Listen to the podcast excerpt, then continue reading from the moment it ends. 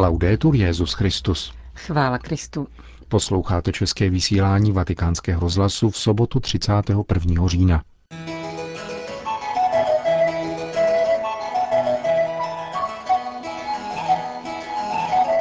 Dobročinnost nestačí, zdůraznil papež František při dnešní audienci Křesťanské unie vedoucích podnikatelů. Nový vědecký výbor má demaskovat pseudovědecké leži genderové ideologie. Italský exorcista otec Aldo Buonajuto, pomáhající obětem okultismu, bude mluvit o Halloweenu v rozhovoru, který uslyšíte na závěr našeho pořadu, kterým provázejí Johana Bronková a Milan Glázer.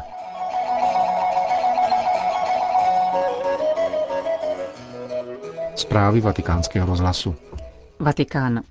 Dobročinnost nestačí, je potřeba orientovat ekonomické aktivity evangelijním směrem, to znamená na službu člověku a obecnému dobru, zdůraznil papež František při dnešní audienci Křesťanské unie vedoucích podnikatelů. Právě zaměření na rozvoj ve prospěch obecného dobra je hlavní ideou tohoto združení.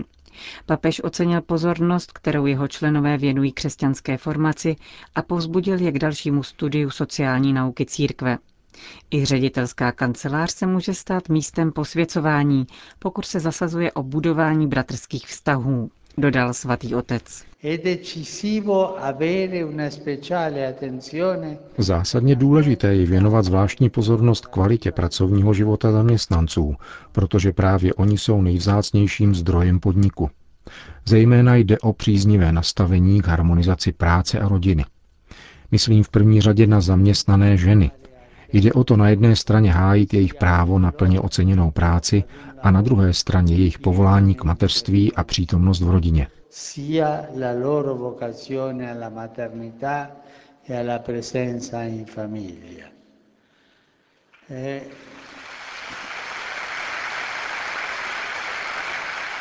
Petrův nástupce zmínil rovněž odpovědnost podnikatelů za péči o stvoření. Jejich zvláštním povoláním pak je být misionáři sociální dimenze Evangelia, což zahrnuje evangelijní pozornost chudobě a jiným formám lidské křehkosti. Jubilejní rok milosedenství má být pro křesťanské podnikatele příležitostí k dobročinnosti a rozvoji asistenčních programů. Pouhá dobročinnost však nestačí, dodal svatý otec. Nutné je orientovat veškerou ekonomickou aktivitu ve smyslu evangelia. E Aby ekonomie a podnikání správně fungovaly, potřebují etiku. Nikoli etiku ledajakou, nýbrž etiku, jež klade do svého středu člověka a společenství. Chtěl bych vás dnes znovu vyzvat, abyste se za tuto věc společně nasadili – budete přinášet plody do té míry, do jaké bude evangelium živé a přítomné ve vašich srdcích, myslích a činech. E Apeloval papež František na křesťanské podnikatele. Vatikán. Papež dnes přijel na audienci prezidenta Makedonské republiky Georgie Ivanova. Soukromý více než půlhodinový rozhovor se nesl v srdečném ovzduší, čteme v tiskovém sdělení. Bylo vysloveno uspokojení nad dobrými vzájemnými vztahy, jakož i přání, že rostoucí snahy Makedonie stát se součástí Evropské unie dojdou uskutečnění. Potom byla vzata v potaz některá témata mezinárodní politiky v nynějším globálním kontextu a ve vztahu k trvajícím ekonomickým a sociálním těžkostem. Mluvilo se rovněž o nezbytnosti poskytovat pomoc velkému počtu uprchlíků přicházejících do tamnějšího regionu. Nakonec byla vyjádřena podpora dialogu a vzájemného soužití různých etnik a náboženských vyznání této bývalé Jugoslávské republiky. Končí se vatikánské tiskové sdělení. Makedonie je převážně pravoslavná země, kde na území odpovídající přibližně jedné třetině rozlohy České republiky žije více než 2 miliony obyvatel. Katolíci tvoří v Makedonii asi půl procenta obyvatel a mají v zemi 300 kostelů. Více než třetinu Makedonců tvoří muslimové. Vatikán. Svatý otec udělil souhlas ke kanonické volbě, kterou letos v březnu synod Maronické církve zvolil nového arcibiskupa syrského Alepa. Stal se jim dosavadní farář od naší paní z Kafrunu, páter Josef Tobji.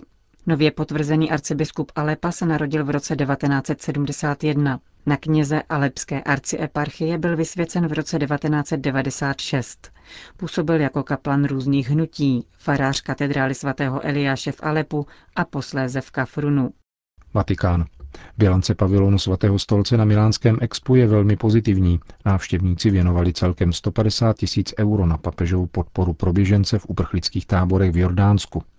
Lze tedy říci, že náš pavilon plnil také pastorační funkci, uvedl komisař pavilonu na Expo kardinál Gianfranco Ravázi. Ideový program pavilonu svatého stolce rozvíjel téma dvojí dimenze chleba, jako pokrm pro tělo i pro duši. Prvním tématem byl nedostatek chleba na stole a hlad ve světě, kdežto druhá část měla evokovat evangelijní větu nejen chlebem živ je člověk a připomínat duchovní a kulturní rozměr jídla. Proto mnozí konstatovali, že pavilon svatého stolce vystihl centrální téma světové výstavy nejpřesněji. Pochlubil se kardinál Ravázy. Řím. Ve Frascati se dnes konala beatifikace italské řeholnice Marie Terezie Kazíny, zakladatelky oblátek nejsvětějšího srdce Ježíšova, která žila v letech 1864 až 1937. Její spiritualitu představuje kardinál Angelo Amato, prefekt Kongregace pro svatořečení. Posláním matky Kazíny byla péče o kněžská povolání u jejich tajemného zrodu a růstu. Smyslem jejího apoštolátu bylo přispět k tomu, aby církev měla svaté kněze. S tímto cílem zakládala tzv. malé semináře či koleje nesoucí jméno malých Ježíšových přátel. Její velkodušnost se však projevovala také péčí o staré a nemocné kněze, včetně těch odpadlých. Matka Terezie si přála svaté kněze, kteří by nebyli trnem v krvácejícím Ježíšově srdci. Říká o nové blahoslavené kardinál Amato, který jej jménem svatého otce dnes beatifikoval. Itálie. V Itálii vznikl nový vědecký výbor na obranu rodiny. Za cíl si klade odhalovat pseudovědecké lži a slogany, kterými se zaštiťuje genderová ideologie. Mezi jeho členy jsou renomovaní pediatři, ginekologové, psychiatři, psychologové, pedagogové a filozofové. Mluvčím skupiny je profesor Massimo Gandolfini, neurochirurg a neuropsychiatr z univerzity v severoitalské Breši. Jak uvedl, genderová ideologie se často odvolává na tzv. vědecká fakta, která ovšem nejsou řádně odůvodněna a nebo jsou přímo sfalšovaná. Nově ustanovený výbor se podle něj ukazuje jako nezbytný vzhledem ke kulturním proměnám, k nímž v posledních desetiletích došlo. Ještě před 30 lety by nikoho nenapadlo, že si někdo bude moci vybírat svou pohlavní totožnost navzdory biologické podmíněnosti, nebo že by dítě ke svému dobrému rozvoji nepotřebovalo otce a matku. Dnes se tyto věci hlásají otevřeně, ačkoliv k ním chybí jakékoliv vědecké podklady. Navíc celá vědecká literatura od počátku 20. století do dneška mluví proti ideji homorodičovství. Přišel čas vrátit se k našim vědeckým a kulturním kořenům, zdůrazňuje profesor Gandolfini. Vatikán. U příležitosti 450. výročí Michelangelovy smrti a 20. výročí dokončení restauračních prací Sixtínské kaple proběhlo včera ve Vatikánu sympózium nazvané Sixtínská kaple po 20 letech, nový dech a nové světlo. Jak napovídá název, kromě připomínky 14 let trvajících restauračních prací, které vynesly na světlo světa barvy a detaily Michelangelova díla, byl představen také nový systém větrání a osvětlení. Jak říká ředitel vatikánských muzeí Antonio Paolucci, je nutné zajistit co nejlepší podmínky, aby další restaurování nebylo potřeba. Sixtínská kaple je identifikační znamení naší církve. Není snad katolík, který by si nepřál alespoň jednou v životě do ní vstoupit. A kromě toho je také základním manuálem dějin italského umění. Tyto dvě věci zničí světový unikát a není náhodou, že ji navštíví 6 milionů lidí ročně. Říká ředitel vatikánských muzeí. Novinky v osvětlení a klimatizaci představila Vittoria Cimino. Na počátku jsme uvažovali o osvětlení, které by nějak odpovídalo třem různým fázím výzdoby Sixtíny. Nakonec ale vzhledem k tomu, že představují jediné velké poselství, totiž poselství o spáse člověka, bylo rozhodnuto, že se pokusíme o co nejhomogénnější osvětlení, tak aby žádná část nebyla osvětlena méně než jiná. Pokud jde o klimatizaci, bylo nutné přistoupit k základním změnám. Původní systém, vytvořený před 20 lety, totiž počítal s daleko menším počtem návštěvníků. Zatímco tedy předchozí systém vháněl dovnitř vzduch zvenku, nový systém přivádí venkovní vzduch jen částečně a částečně recykluje a čistí vzduch zevnitř.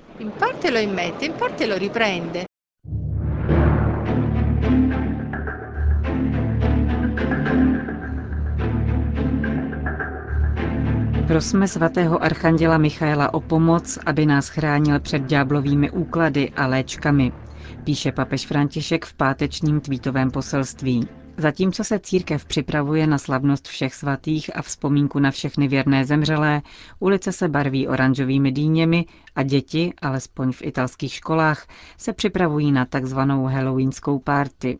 To, co však mnozí považují za módní, veselý a zábavný karneval v černém provedení, je ve skutečnosti obskurní a zneklidňující jev. A pro satanistické sekty výtečná příležitost, jak přilákat nové adepty. Satanisté totiž slaví největší událost roku, narozeniny vládce zla. Kdo si myslí, že se vše vyčerpá v nevinné zábavě a večírku v maskách, měl by si uvědomit, že za tímto pseudokarnevalem stojí temný svět okultních věd a satanismu. Je to magicko-ezoterická slavnost a návnada pro nové oběti. Říká otec Aldo Bonajuto, exorcista, antropolog, démonolog a organizátor bezplatné telefonické linky, která v Itálii poskytuje pomoc obětem okultismu a satanismu. Fenoménu Halloween věnoval svou poslední knihu, která byla ve čtvrtek večer prezentována na Římské Evropské univerzitě. A to za účasti hlavního představitele Mezinárodní asociace exorcistů, otce Francesca Bamonteho, což dosvědčuje jediné, Církev silně znepokojuje stále sílící halloweenská propaganda magie a okultismu zaměřená na děti a mládež. Eh, Za tradičním halloweenským koledováním se skrývá cosi vážnějšího. V pohanských druidských kultech otázka trick or treat znamenala prokletí nebo oběť, tedy povinnost dávat kněžím dary, aby je obětovali bohu smrti a tak oddálili pomstu ze záhrobí. Skrze módní halloweenské večírky se šíří zalíbení v hrůzy plném, jako by to bylo cosi normálního. Vábí vše odporné a umrčí, přitahuje smrt na místo života. Je znesvěcován křesťanský smysl smrti. Ďáblova koleda je pro duši smrtelnou pochoutkou.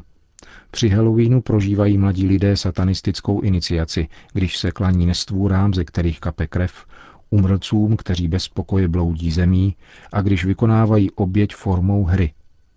Téhož večera na sebe služebníci pána zla berou zodpovědnost za zrůdné zločiny, vraždy novorozenců, fyzické a morální násilí, znesvěcování.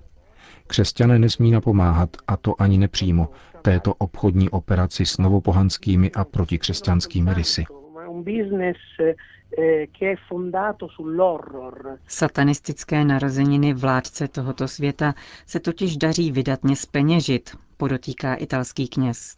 Nadnárodní firmy tlačí na šíření halloweenské módy, aby prodala své výrobky. Pomocí reklamy, sdělovacích prostředků, internetu a globalizace se čarodějná noc stala jedním z nejoblíbenějších dostaveníček, zejména pro mladé lidi. Vytěží se za ně pouze v Evropě až 400 milionů euro. Avšak to není hlavní hledisko, varuje otec Bonajuto. Halloween je nocí temných obřadů a zločinů. Alternativou je radost křesťanské liturgie. Vigílie ze slavnosti všech svatých, společná modlitba v rodině, modlitba růžence, účast na mši svaté, při které opětovně objevíme příkladné životy svědců a vítěznou boží lásku.